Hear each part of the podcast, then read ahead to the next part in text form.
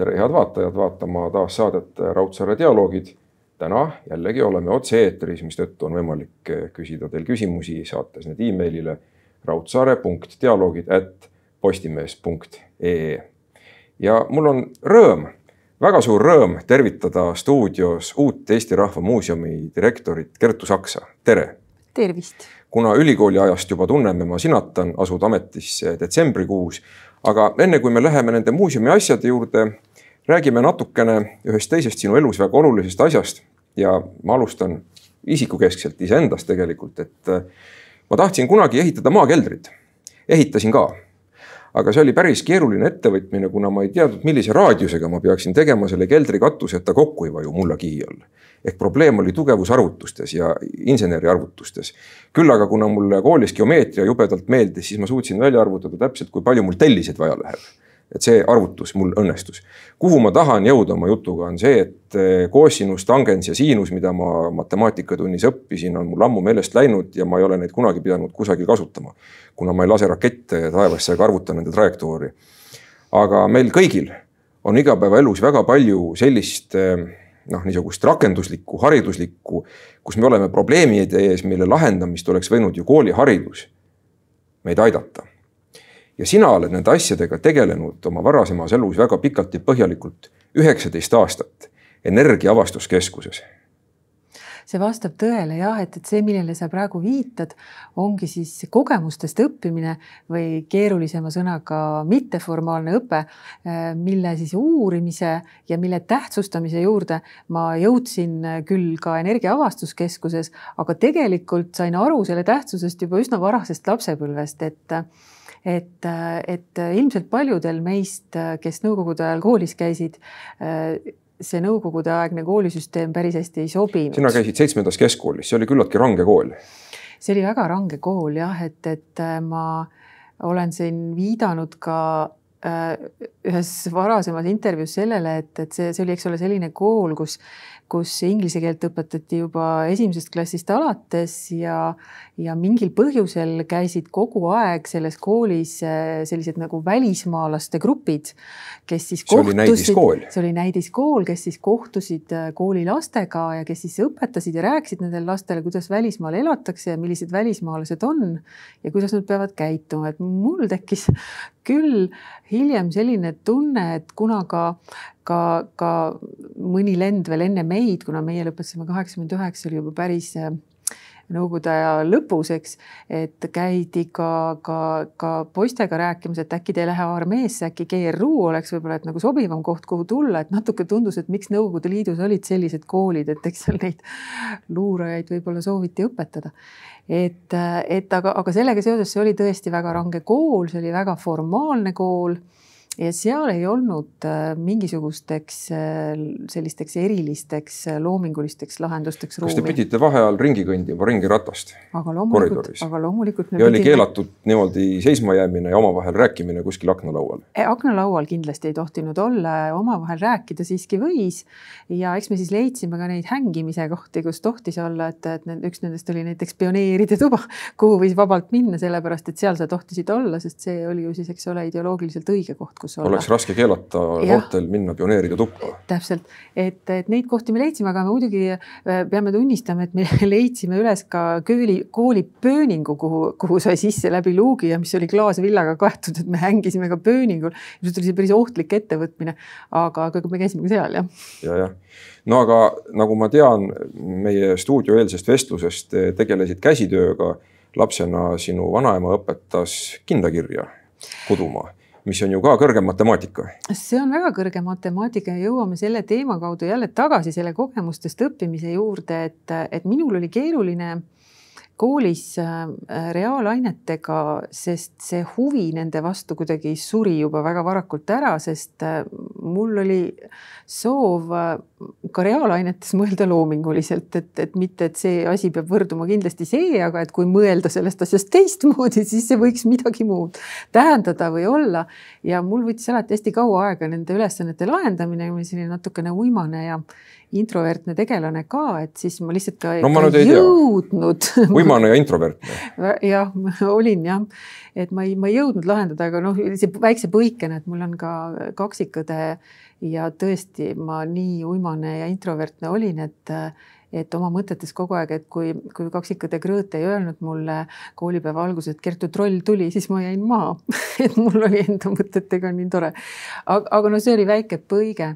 aga, aga matemaatika on tõesti ka soki ja kinda kudumine, et, et meid kasvatas meie Pärnu vanaema väga palju, kõik, kõik koolivaheajad olime seal ja tema oli käsitöökoondis Uku Kuduja nelikümmend mm -hmm. aastat et lõngad olid kogu aeg kodus ja meie kudusime juba enne kooli. et äh, õeke Krõõt tegi oma esimesed kampsunid juba päris viieaastaselt ja tegi need mullegi, et tema siiamaani koob, ta ka televiisori ees ei istu üldse nii, et midagi ei tule varrastelt, et mina, mina nüüd seda enam nii palju ei tee aga, aga, aga tõesti, kui vaadata selle kogemusega, mis ma sain hiljem Energia Avastuskeskusest, just seda mitteformaalset haridust edendades, siis äh, äh, kinda või soki kudumine nelja vardaga, ka veel erinevat värvi lõngadega ja kui sinna on ka veel muster sisse kootud, on nii keeruline 4D modelleerimine, matemaatiline modelleerimine, et see on tõesti kõrgem matemaatika ja ükski meie nõukogudeaegne matemaatikaõpetaja kindlasti ei suudaks reaalajas seda funktsiooni edastada. mida sa teed mm. -hmm. aga sinu aju teeb seda ja suutis seda teha juba enne kooli, et, et, et see lahterdamine ka nõukogude ajal, see on ilmselt ka natukene tänapäeva kooli jäänud selle järgi, et kui sa selles töövihikus, selles lahtris vastad selle vastuse, mis äh, on täpselt see keegi, kes selle töövihiku on koostanud, arvanud, et sa pead sinna kirjutama, siis sa oled tark. ja kui sa seda sinna ei kirjuta, siis sa oled rumal.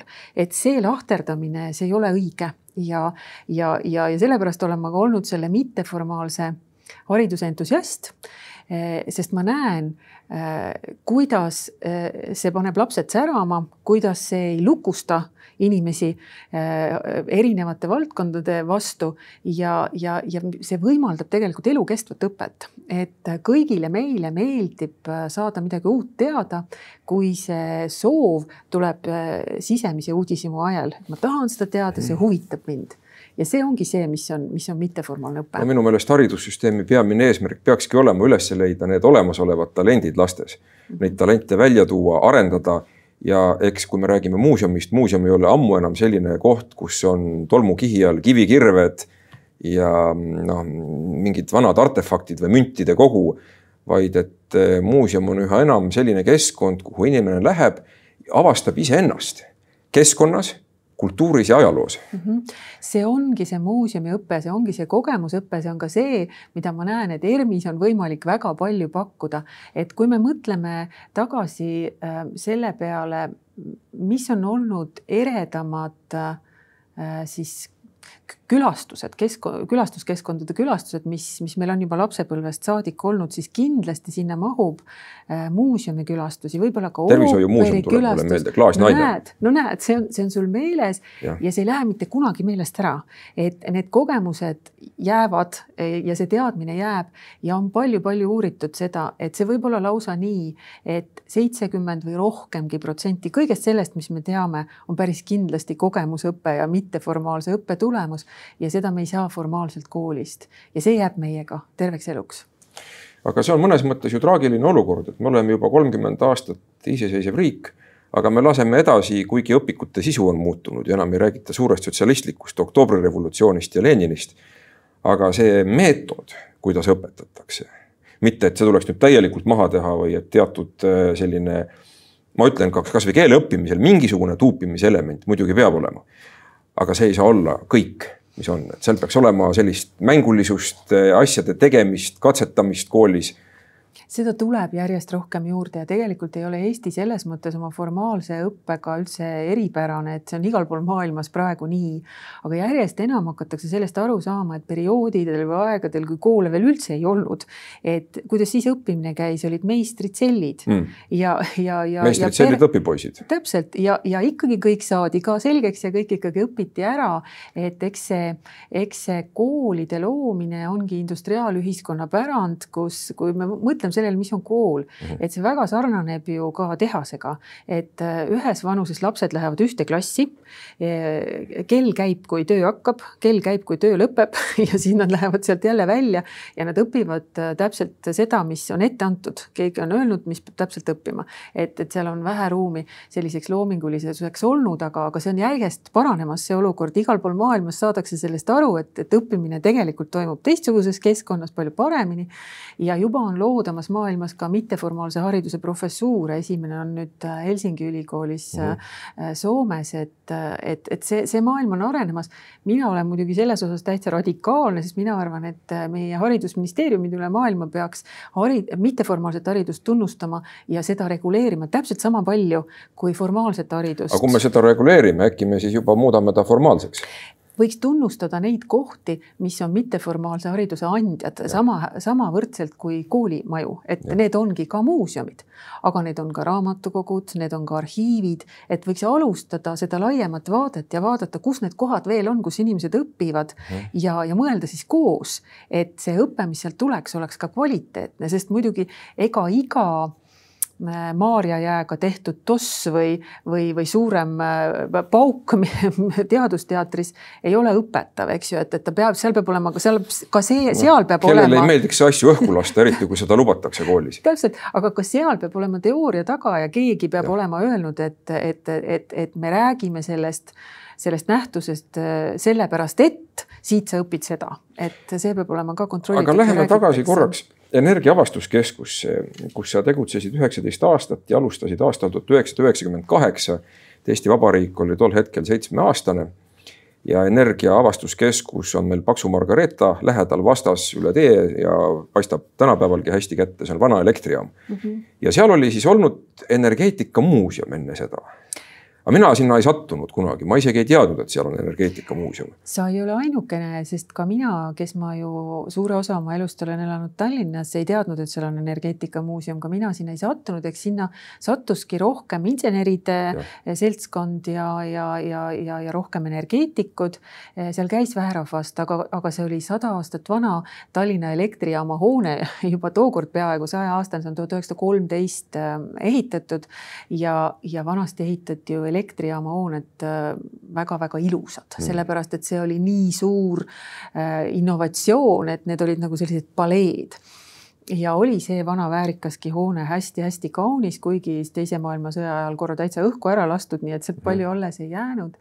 Aga, aga sellises äh, väga imposantses äh, võimsas keskkonnas, kus äh, ka need generaatorid on veel majas sees säilinud, oli tegelikult väga hea alus selleks, et alustada nende ideedega mitteformaalsest õppest lastele siis keemiat, füüsikat, matemaatikat õpetada ja loodusteadusi natukene teises võtmes, aga just selles võtmes, millest me just rääkisime siin nagu matemaatika ja, ja soki kudumise kontekstis, et see, see, see juba see, see, see keskkond ise võimaldas võimaldas seda? no tänapäeval on Tallinnas juba avastuskeskusi rohkemgi ja kogu see põhimõte on aktsepteeritud, aga toona oli see täiesti uudne lähenemine.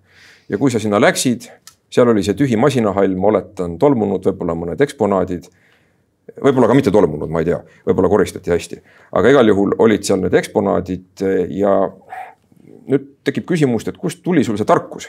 Panna sinna need uued eksponaadid, interaktiivsed eksponaadid, ma saan aru, et kolleegid aitasid, näiteks hea Aare Baumer seal on super meeskond olnud kogu selle asja juures, kuid ikkagi jah, Aare Baumerit veel päris alguses ei olnud, et tema liitus meiega natukene hiljem, aga, aga see oli see aeg, kui, kui tehti väga palju rahvusvahelist koostööd ja ja, ja meie sattusime tegema koostööd Soome Teaduskeskusega Heureka, kust siis kolleegid on äh, siiamaani väga-väga head sõbrad ja ja, ja samamoodi äh, oli neil koostöö ka Tartu Ahaaga, mis äh, avati aastakene varem, et et me tegelikult sellises ringis väga tihedasti hakkasime suhtlema ja, ja, ja sealt, sealt see juba kõik tuli, et kui ka Heureka äh, peadirektor äh, Pelle Pärson seisis üheksakümne kaheksandal aastal siis äh, meie generaatori saalis ja küsis, noh, Kertu, et millal sa arvad, et siin kaasaegne teaduskeskus avatakse, siis mina oma noorusõljuses teadsin, et poole aasta pärast.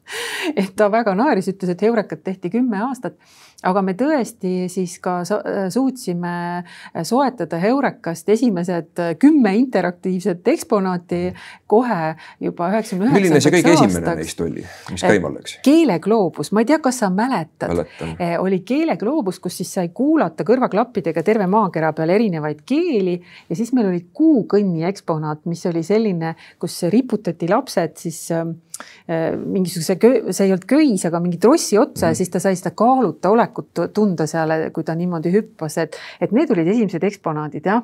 et ja, ja naelavoodi, et, et jällegi see fakiiri teema, et, et kui näpuga katsud ühte naela, et, et siis on nagu ei ole mõnus, eks ju, on torgib, aga et kui sa naelte peale pikali heitad, et heidad, et siis su keha, keha raskus jaotub ja, ja niimoodi need fakiirid naelavoodis on, on olnud, et vot selliste väikeste katsetustega me alustasime jah no aga te tegite seal ju igasuguseid võimsaid asju, et need regulaarsed näitused äh, avasta.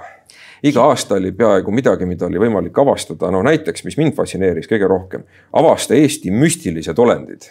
Eesti müütilised olendid. Ja ei, sellest müütilised. ei ole midagi, et praegu valesti läks, sest nad on ka väga müstilised ja me oleme seda, me tegime kümneaastase vahega seda, seda näitust kaks korda. tegimegi koostööd nii Kirjandusmuuseumi kui ERMi teadlastega ja, ja, ja, ja, ja lahendasime koos Aare Baumeriga, kes on tõesti Eesti kõige kihvtim leiutaja, eh, siis müütilised olendid eh, kaasaegsete tehnoloogiliste vahenditega, et noh, et, et näiteks eh, kuidas laulab näkk, siis ühtlasi ka selgitasime ära eh, kogu selle, selle, selle folkloori seal taga ja et, et kust ta on tulnud ja, ja või kuidas tekivad uduolendid soost näiteks, et, et mm. siis me tõesti lõime ka sellise udukeskkonna, kus oli siis võimalik kujutleda, et kuidas need olendid tekivad. ja, ja, ja, ja me ühendasime tehnoloogia ja mütoloogia ja, ja seda me tegime tõesti kaks korda, seda näitust ja kui ta viimati oli avastuskeskuses, see oli ka näiteks Põhja erakonna eksponaat, mis Aha. oli ülipopulaarne, et meid, meil veel siiamaani on aeg-ajalt on küsitud, et, et kas ikka veel on seal see põhjakonn ja kas saaks, kas saaks seda näha, aga, aga jah, seda ju uue, uues kontseptsioonis jah, põhjakonna ei tulnud. aga teil olid ka need planetaarsed, kuidas ma ütlen, installatsioonid lausa planetaariumi filmid me tegime Just. ja ka planetaariumi seansid ja seda me tegime ka. Neid oli kolm tükki vähemalt eh,, kui mitte rohkem. ja filme, mille, mille tegemisel mina osalesin, siis kontseptsiooni loomisel oli, oli kolm, aga neid on veel ja ka praegu on Energiaavastuskeskuses planetaarium, kus siis, kus siis neid filme näidatakse. Need filmid on ka, see on hästi tore valdkond üldse, mis on tegelikult Eestis natukene vähe kasutatud, et, et teaduskeskustes üle maailma maailma planetaariumis selliseid filme näidatakse, sest see planetaarium oma kupliga annab sellise 3D efekti ja no kosmosest ja muudest teadussaavutustest on 3D efektis väga hea rääkida. Mm.. et need filmid on mujal ka sellised, millele loevad peale väga tuntud näitlejad, näiteks nagu Whoopi Goldberg või Harrison Ford, et meie filmidele ka lugesid peale Mait Malmsten ja Eduard Tooman ja Tõnu Kark, et, et meil oli umbes samas kaliibris see, aga, aga tõepoolest jah, et neid me tegime ka mm. -hmm. ja siiamaani saab ju vaadata? Neid saab siiamaani vaadata, jah no nii, aga see on ikkagi küllaltki lai haare, kuna kui me nüüd loomingust räägime, sa ka kirjutasid raamatuid. ja ja nii mõnigi raamat oli selline jällegi piire avardav, nagu näiteks raamat kaks tuhat kaksteist teistmoodi füüsikaraamat, kus oli küll kaasautor juba mainitud Aare Baumer, aga see raamat võitis ka teaduse populariseerimise riikliku konkursi peapreemia mis ei ole mitte üldse väike asi. ei, see ei ole väike asi ja see oli väga tore, see oli jälle selline loominguline projekt, mida me Aarega kahekesi saime teha, et mina, kes ke, kellele see füüsika, selline teoreetiline füüsikaõpe koolist no üldse ei meeldinud. ma just mäletan meie vestluse algust. kõik see, mis, mida oli võimalik õppida mitteformaalselt avastuskeskuses, tundus nii põnev ja me otsustasime, et me võtame ette üheksanda klassi füüsikakursuse, siis, siis koolikursuse ja, ja selgitame seal lahti kõik valdkonnad, mida siis üheksandas klassis õpitakse selliselt, et mina küsin oma oma võhiklikud rumalad küsimused ja Aare vastab neile selliselt, et, et, et, et see vastus oleks mingisuguses reaalses kontekstis, mis on inimese elus oluline ja relevantne. Ja see sai tõesti väga populaarseks, see raamat, et meie käest on küsitud, et, et kas seda võiks uuesti välja anda, aga ei, rohkem praegu me ei ole sellega tegelenud, aga tõesti jah, müüdi ka väga kiiresti läbi. nii, aga nüüd iga asi saab kunagi elus otsa, nii ka see energiakeskuse teema ja kus sa olid üheksateist aastat kuni aastani kaks tuhat kuusteist ja sealt siirdusid sa eh, Kulkasse Kultuurkapitali juhtima, mis on ikkagi tegelikult bürokraadi töö, et no see ei ole ju, oleme ausad, väga loominguline. Äh, jah, sul, sul on õigus, äh, aga Äh, mis seal on väga loominguline, on see, et see keskkond äh, ja need inimesed, kellega sa seal igapäevaselt äh, kokku puutud, ongi kogu meie loomingulisuse koor. et ta on hästi laia spektriga institutsioon, kuna tal on kaheksa valdkonda, eks ju, kõik meie kunstide valdkonnad pluss rahvakultuur ja veel ka sport ja, ja mis teeb kulkast kulka, on just see ekspertide baas, kes, kes neid taotluseid hindavad tulevad ja mind kõnetas või soov sinna minna äh, tekkiski sellest, et iga päev on sinu laual äh, kõik need värsked ideed, millega kultuuriinimesed on välja tulnud e, ja, ja sa tead, kuhu toimub? suunas äh, see kultuur liigub ja mis toimub, et, et, et mind kõnetas. aga kuhu väga... suunas me liigume praegu oma kultuuriga? ma võin veel küsida, kuna hetkel sa oled ju veel ametis selle hetkeni, kui sa siis, kui ma nüüd ei eksi, kolmteist detsember asud Eesti Rahva Muuseumit juhtima ja eks Eesti Rahva Muuseum on ka muidugi täpselt sellesama kultuuri osa. see on ju Eesti... Kulka sünnitis pealegi, kuna Kulka rahastas muuseumi ehitust. ehitust rahastas jah, et, et, et muidugi ERM on olemas juba aastast tuhat üheksasada üheksa, aga, aga see suur hoone jah, tõesti kaks tuhat kuusteist äh, Kultuurkapitali rahadega valmis. Äh, Eesti kultuuri seis on, on praegu muide väga hea. Et, et ja ka see rahastuse tase on tegelikult äh, hea, et äh, mitte igal pool maailmas ei ole nii hästi läinud, et on selline kulka nagu, nagu meil olemas on, mis tegutseb äh, alkoholi ja tubakaaktsiisi ja siis hasartmängumaksu, no loto läheb sinna kasiinode hulka jah, et hasartmängumaksu rahadest. ja noh, kuigi seda on ka palju kritiseeritud, et kas häbi ei ole võtta seda pahede raha, et ma olen ka saanud kurje kirje seal, kirju sellepärast, et see ei ole asi, mille üle uhke olla, et, et kultuur sellest rahast elab. aga minu meelest on ainult õige et need pahed on maksustatud ja et see raha läheb kultuurile, aga see ei ole mitte igal pool maailmas nii. et me peame uhked olema, et see ühiskondlik kokkulepe mm. eh, on pidanud kõikide valitsuste ajal ja, ja hoolimata erinevatest poliitilistest suundumustest, et seda raha ei ole kulkalt ära võetud ja seda ei ole suunatud kuhugi mujale. et eriti rasketel aegadel on, on, on see alati ohuks, nii nagu kriisiaeg on praegu, et toon alati seda näidet, et kaks tuhat kaheksa, üheksa, kui meil oli eelmine majanduskriis siis Lätis eh, nimelt niimoodi juhtus, neil oli sarnane kultuurkapital sarnastel alustel maksudest rahastatud ja sealt suunati kriisi ajal need maksud välja ja ta pole vist taastunud. ta ei ole taastunud, ei, ta tegutseb, aga ta tegutseb riigieelarvest, aga nad ei ole mitte mm. kunagi enam saanud sama raha mahtu. et seal tagasi. toimub siis võitlus iga riigieelarve aasta, kui palju raha, millele täpselt, ja nii edasi. täpselt ja nad väga sooviks tagasi saada seda olukorda, mis oli, aga see raha on nüüd juba kuhugi mujale lubatud, eks. ei no selge, mis läinud, see läinud, seda enam tagasi ei saa, enamasti aga nüüd tuleme sellesama ERMi uue maja ehituse juurde, et see oli ju väga suur debatt oh, see on omaette saaga, kuhu peaks tulema ERM-i uus maja, kuna alguses ju ma ka mäletan seda, kui oli laulva revolutsiooni aeg ja räägiti ikkagi Raadil eh, maja taastamisest, oli selline rahvusromantiline unelm. et see vana Lipphardi Raadi mõis tuleks taastada ja ERM peaks sinna tagasi minema. no õnneks ERM-i kogud olid eh, sõja ajal evakueeritud erinevatesse kohtadesse, nii et väga palju seal vist ära ei hävinud, kui see mõis põlema läks ja varemetesse jäi. siis ta oli eh, Tartus eh, baseerunud Nõukogude lennuväe käsutuses ja seal oli küll väga tore mees, keda me mäletame, Tšohhar Dudajev, kes ei lubanud inimesi tulistada, kes läksid, protestisid, ütlesid, andke meile tagasi meie ERM. ja ühel hetkel see ka tagasi saadi, aga noh, mis tast järel oli, eks ole, et praegugi meil on ju küsimus, mis tast saab.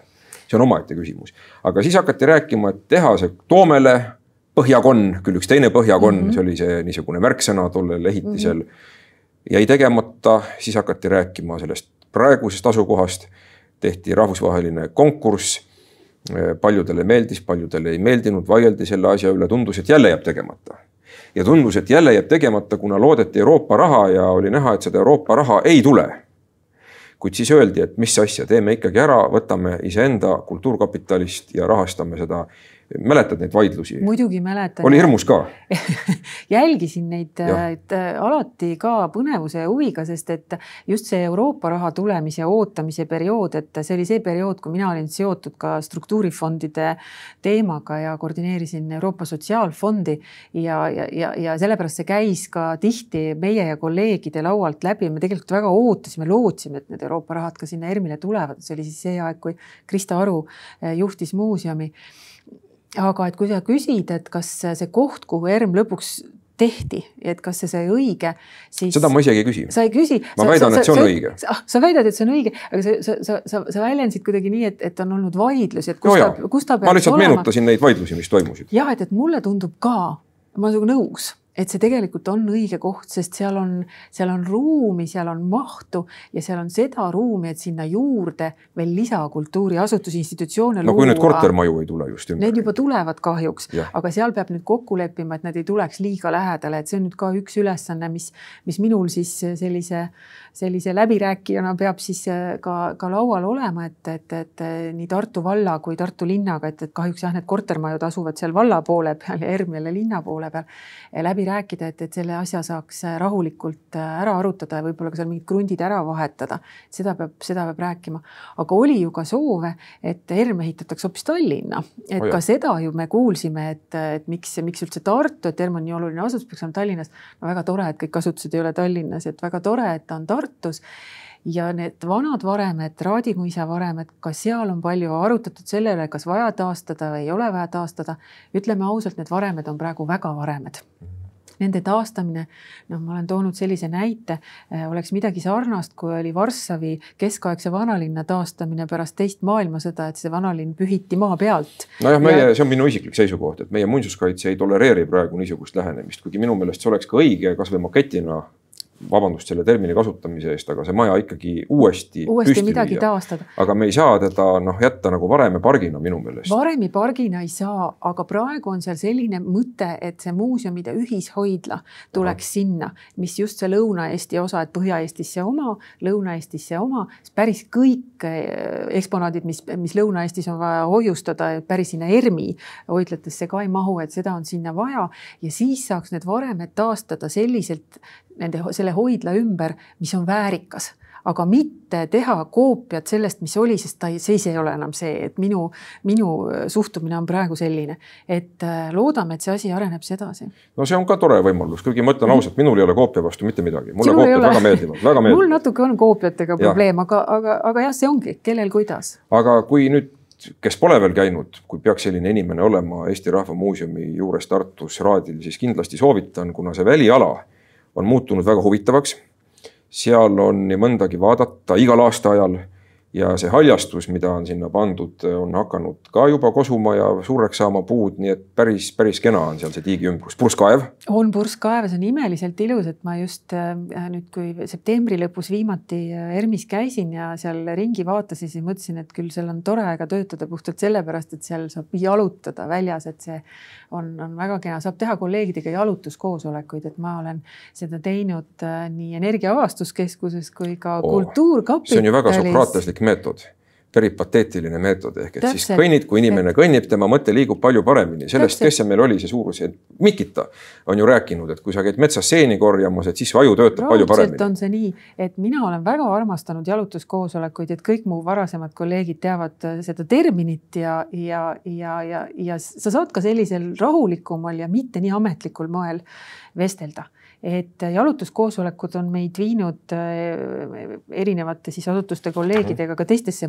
muuseumidesse, kuhu saab jala ligi, jalutame sinna, jalutame tagasi, räägime sellest, mis me seal kogesime, kuidas oli. et ERMi tulevastele kolleegidele ütlen ka, et oodake jalutuskoosolekuid, hakkame koos kõndima.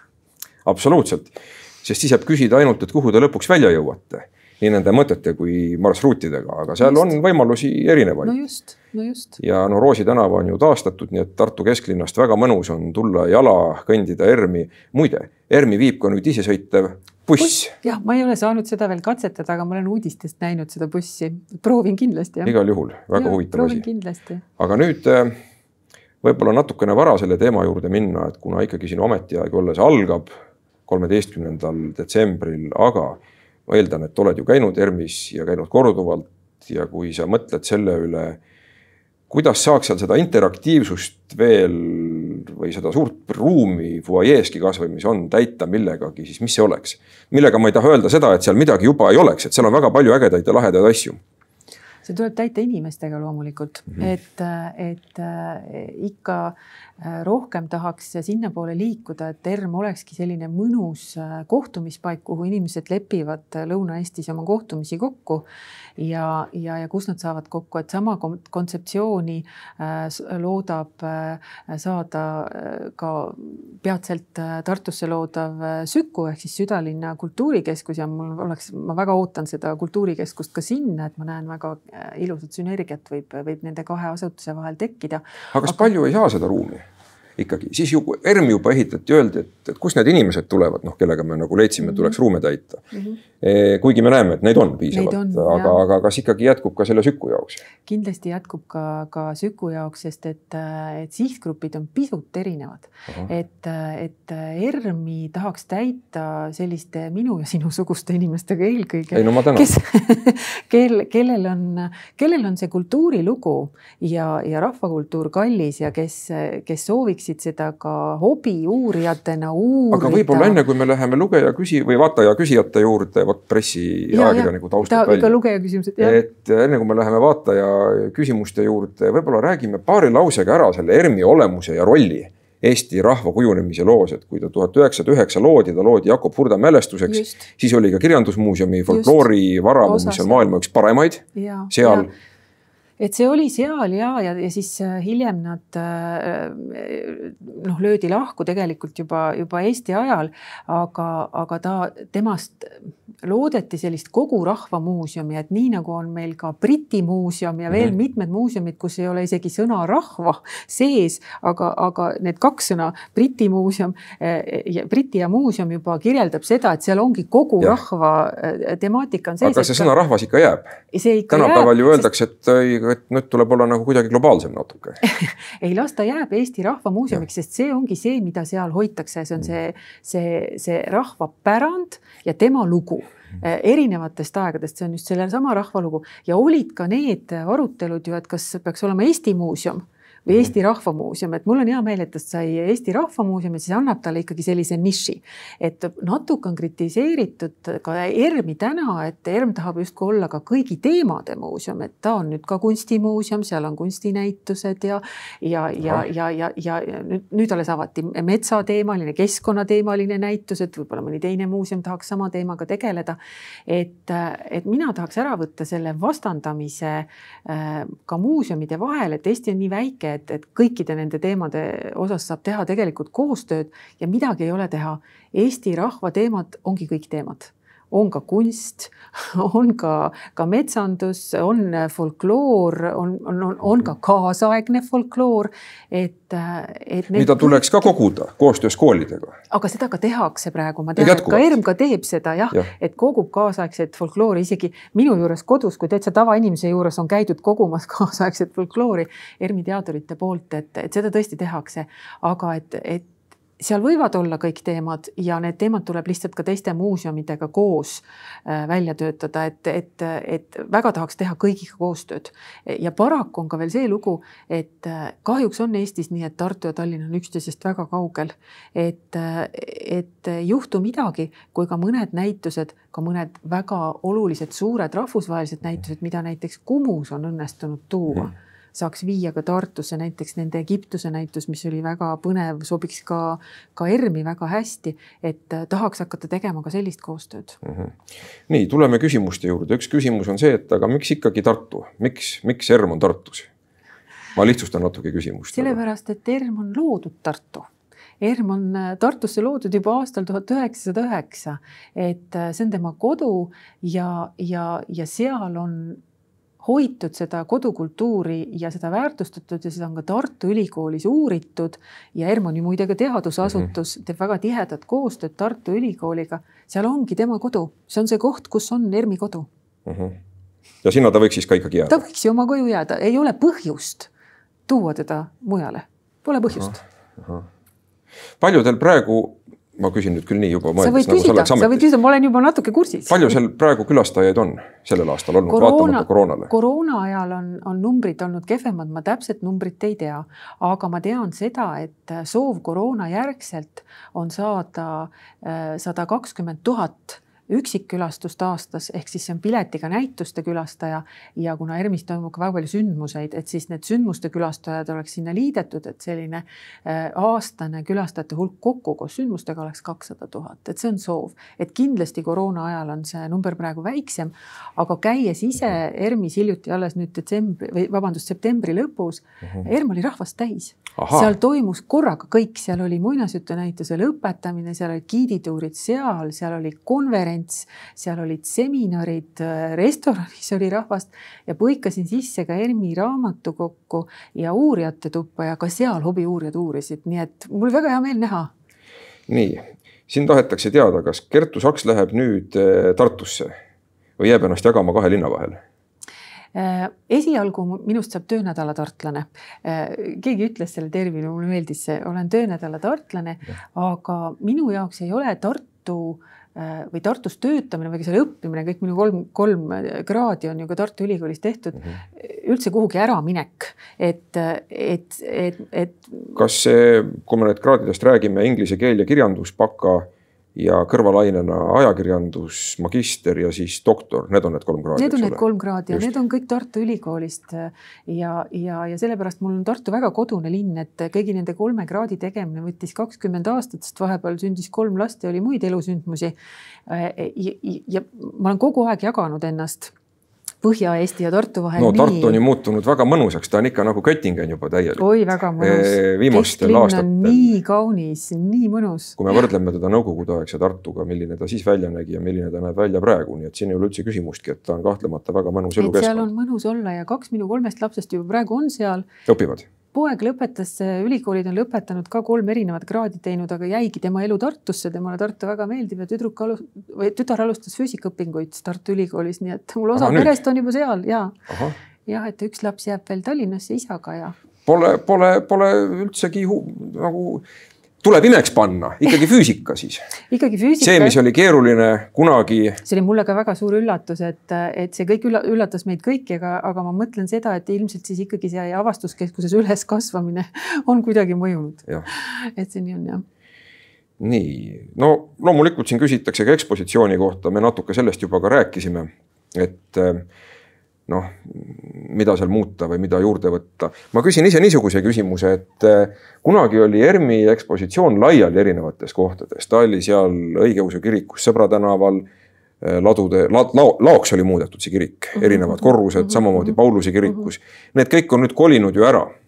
Kas midagi kusagil on veel, mis ootab kolimist? minu meelest vist enam mitte. minu meelest ei ole, vastupidi, on niimoodi, et ERM äh, siis annab kodu oma kogudes äh, teiste mm. muuseumide eksponaatidele, et hetkel on seal Tartu Kunstimuuseumi äh, eksp eksponaadid ja varad, mis noh, mida ei olegi kuskil Tartus hoida, sest Sükut ju veel ei ole ja, ja on ka Postimuuseumi kogud, mis on, mis on ka väga põnevad, millest just hiljuti üks virtuaalne näitus tuli välja.